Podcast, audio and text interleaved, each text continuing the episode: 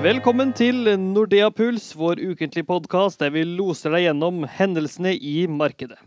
Velkommen til deg, sjefstrateg Leif Rune Rein. Takk skal du ha. Jeg heter Per Arne Gedde Lium. Hvordan har stemninga vært i markedet denne uka, Leif Rune? Eh, ja, det har vært både opp og ned. Det har jo vært veldig mye som har skjedd fra det politiske med Donald Trump og, og, og møter med Kim. Og vi har hatt rentemøter både i ECB og den amerikanske sentralbanken. Og så har Oslo Børs vært over 900, så det er jo vel eh, verdt å nevne for, eh, for første gang. Så det har vært, eh, det har vært mye som har, eh, som har skjedd her. Markedet har vært litt sånn opp og ned. Det har vært store bevegelser. Kanskje egentlig mer i valutamarkedet enn i, i, i aksjemarkedet. Men, men, globale aksjer, i hvert fall så langt når vi sitter her, er opp en rundt en sånn knapp halv prosent. Ja. Litt opp, da. Ja, så litt opp, men allikevel har det vært store, store endringer. Spesielt rentemøtet i i Europa, da ble det litt action etterpå. For da, og det var jo egentlig vel det vi snakket om forrige uke, at uh, det var kanskje mer sannsynlig at det kom til å stå, kom store bevegelser i etterkant av, av ECB-møtet enn Fed-møtet, og at det kunne påvirke både aksjemarkedet, rentemarkedet og valutamarkedet. Og det vi så spesielt på aksjemarkedet, var at europeiske aksjer gikk som en kule etterpå, og for så vidt steget godt opp på uken. Eh, med rundt 1,8 eh, så langt. Og i etterkant av eh, rentemøtet i ECB så svekket jo også euroen seg ganske kraftig mot, mot dollar, nesten ja, halvannen til 2 prosent, Så det var store bevegelser, det skal sies. Store bevegelser og mye hendelser. Vi, vi må jo starte et sted. Det storma på G7-møtet. Ja, det er jo det. sant? Og det verste er jo det at selv om det er bare en uke siden, så virker det som en evighet siden, for det skjedde så mye annet i mellomtiden. Jeg tenkte nesten var ikke det for et par uker siden. Ja.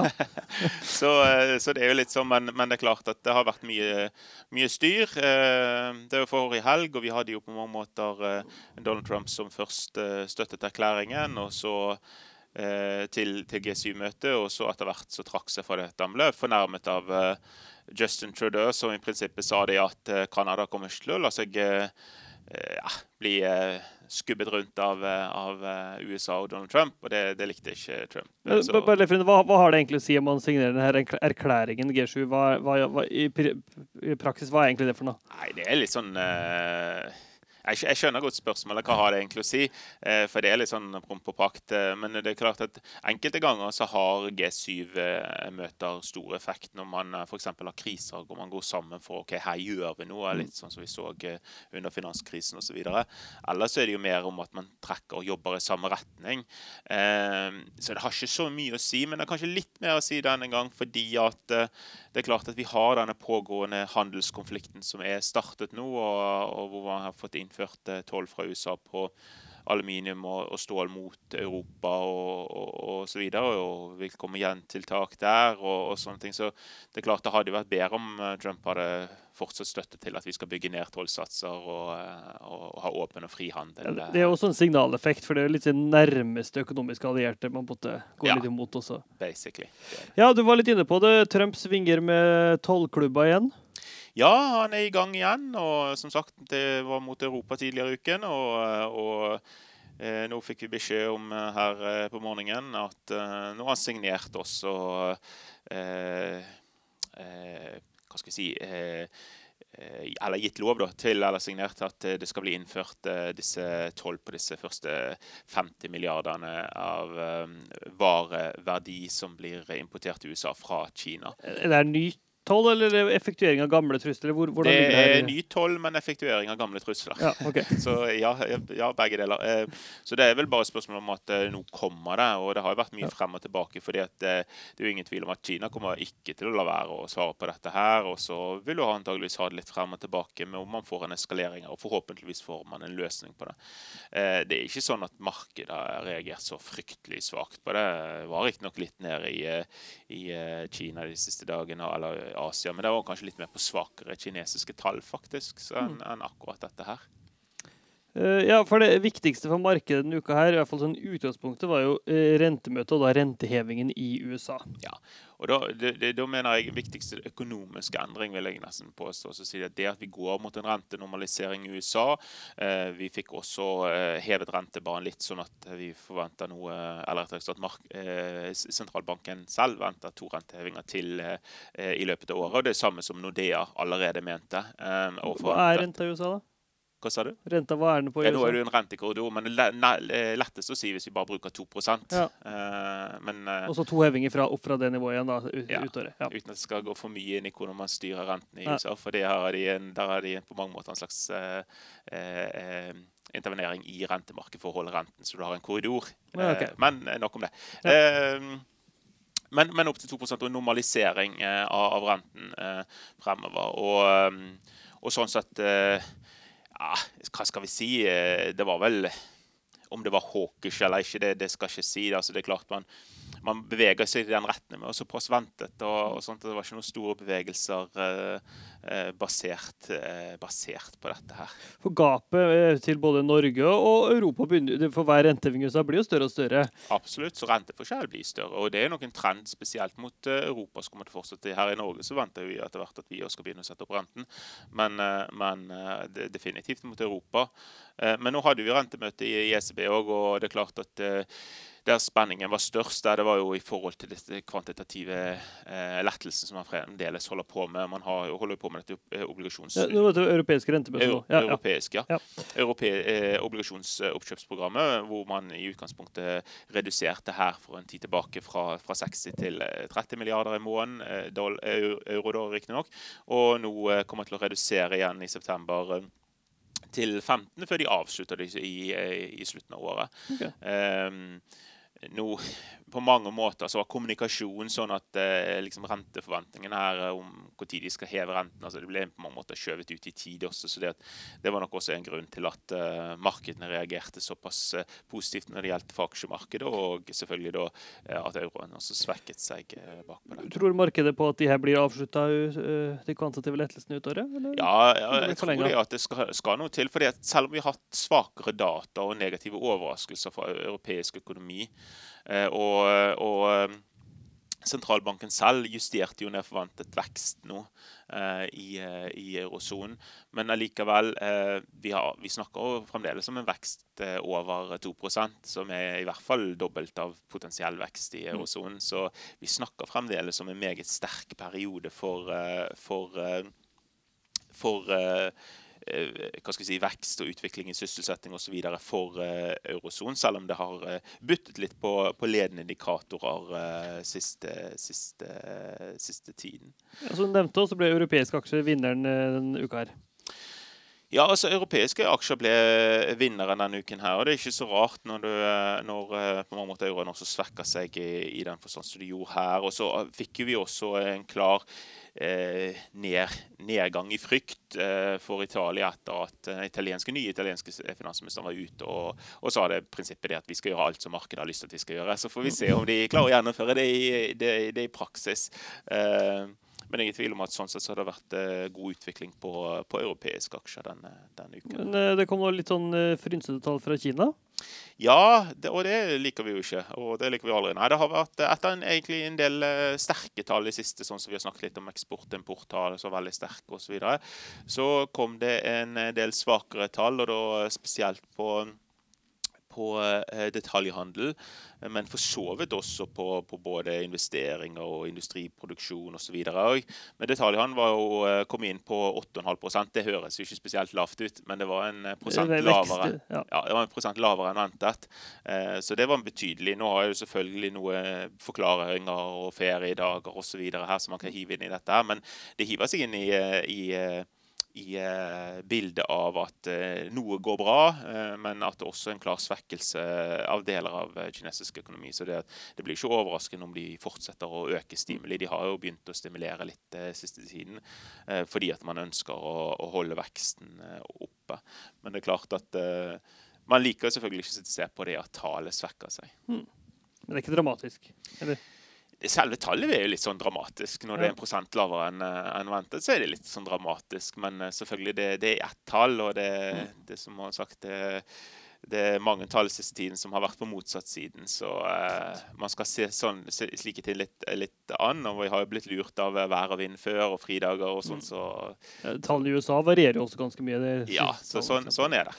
Sånn er det. En annen enn uka her, da? Så viktig. Ja, hva var det vi eh, Hva var det vi nevnte innledningsvis? Jo, eh, Oslo Børs over 900. Er ikke Ja. det verdt å nevne? Eh, Det er klart det har vært god utvikling i norske aksjer hittil i år. Fremdeles litt sånn stivt priset, det er ikke noe tvil om det, men det er ingen tvil heller om at oljeprisen har gått mye hittil i år. Og Oslo Børs får støtte av det, fordi at krona også holdt seg lav eller svak mm. i løpet av den perioden, så har man styrket seg litt på året både mot euro og dollar nå. Um, men, eh, men, eh, som sagt, vi har ikke sett 900 før, og, og, og god utvikling. Fest i markedet, kan du i prinsippet si. Eh, så, så, det er vel også verdt å nevne. Ellers så kommer ikke på noe. Har du noe i tankene? Nei, ikke noe spesielt. Men det kommer jo det kommer en uke neste uke også. Det kommer neste uke. Men Hva? den Jeg skal ikke si den er kjedelig, men, men, for det, det, vet vi ikke ennå. Men eh, det er ikke så fryktelig mye å komme med her, altså. De tingene som jeg eh, nevner her med f.eks. at vi får eh, ledende indikatorer som PMI-er i USA, eller regionalindekser som Philly-Fed-indeksen og sånt, det, det, er ikke akkurat det som liksom normalt sett virkelig drar markedet i noen retninger her Eh, heller ikke fra Europa når vi får litt sånn forbrukertillit og sånne ting, er ikke noe som jeg heller tror kommer til å bevege markedene sånn voldsomt. Så det er litt sånn, eh, litt sånn eh, tomt. Så det gir jo kanskje rom da, litt fra den politiske siden om hva som blir videre utvikling i i f.eks. Eh, utviklingen i, i Nord-Korea. Vi, uh, vi, har jo nå Trump og, og, Kim som signerte et dokument som i prinsippet var at det hadde vært signerte på ikke en, avtale, men mer en, en, greie om at det hadde vært fint om vi hadde hatt en avtale. Et rammeverk, eller? Ja, sant? ja, knapt et rammeverk heller, men liksom Første steg, da? Eller, første steg, ja. sant? Og, og sånn, så det, det, det, vi har jo sett f.eks. på handelskrigen at det har bølga frem og tilbake fra det veldig negative til det veldig optimistiske. Sant? Og Siste uke var jo kanskje bra utvikling i denne greien. og Så får vi se om det fortsetter uke, neste uke eller om, om eh, Kommer det tweets og Ja, om det, om det kommer noe i motsatt retning. For jeg er ikke sikker på de at de har eh, felles forståelse av f.eks. For full, uh, full atomnedrusting på, på Korea-halvøya, hva det betyr. Så vi får se. Men allikevel, jeg tror ikke det at det kommer til å påvirke markedene heller så mye. Så det blir selvfølgelig litt spennende å se om det kommer mer sånn uh, på tollsiden. Om uh, mer reaksjoner fra, fra EU og, og Kina, og, Kina og sånne ting i forhold til det som USA her gjør. Jeg håper jo til syvende og sist at uh, selv om presset øker akkurat nå, at det også leder til en avtale som gjør det at uh, man kanskje kommer bedre ut enn man var i utgangspunktet. Det. Så selv om det har vært litt negativ utvikling nå siste tid, så er det jo på, på, ingen måte sikkert at det er liksom siste ord her. da. Ja, Men ofte så blir det litt verre før det blir bedre, så, så vi forventer å, forventer å se det. Nei, sist, ja, ja, fortsett. Ja, ja, siste ting, og kanskje, kanskje jeg skal ikke si at det er viktig, men, men, vi har jo rentemøte her også i, ja. i, neste uke her i Norge. Det kan jo være vel verdt å nevne også. Men det blir nok neppe noe renteheving. Eh, våre makroøkonomer forventer vel at rentehevingen kommer i, i, september, og at vi må vente litt på det. Men at den, den da kommer. Men hvorfor ikke nå? Kanskje litt uh, tidlig. Uh, og med, uavklart? Uh... Ja, og med de inflasjonstallene som vi fikk her på starten av uken. Altså ikke akkurat noe hastverk med å heve rentene, virker det som, i forhold til det i hvert fall. Men det er jo klart at i forhold til vekstbildet, i forhold til utvikling generelt sett i norsk økonomi, og ikke minst at oljeprisen og, og, selvfølgelig også investeringer som følger etter der, stiger oppover, så det er jo kanskje på tide at, at rentene begynner å stige. Mm. Men du tror det kom, ikke kommer ikke før i, over sommeren? Ja, over sommeren må vi nok vente. Er markedet på vei litt inn i sånn sommermodus, eller er det bare uka som kommer? Ja, altså Hvis jeg ser på volatiliteten, så er det ingen tvil om at det blir roligere og roligere. Altså nå Sist uke så var uh, VIX-indeksen som en slags, eller fryktindeksen, mm. altså uh, hva markedet eller investorer priser volatilitet til de neste dagene i terminkontrakter når man kjøper beskyttelse osv. Mm. den var nede på rundt 12, sier det kanskje ingenting, men gjennomsnittlig så har, eh, har denne indeksen lagt på sånn eh, rett under 20. 19,5. 19, og eh, i fjor sommer så var den nesten nede i 9, og det er lavest vi har sett noensinne. Mm. Så vi er ikke så fryktelig langt ifra de nivåene vi så forrige sommer. Og det er klart at det gir jo selvfølgelig en eh, mulighet for at investorene blir, eh, blir negativt overrasket fordi at man forventer en relativt rolig periode. Men det kan også selvfølgelig indikere det at uh, utsiktene fremover er, eh, er, bra, og ergo så blir det rolig. For det som jeg har vært inne på mange ganger før her, at til tross fordi at det er det er mye politisk uro her, og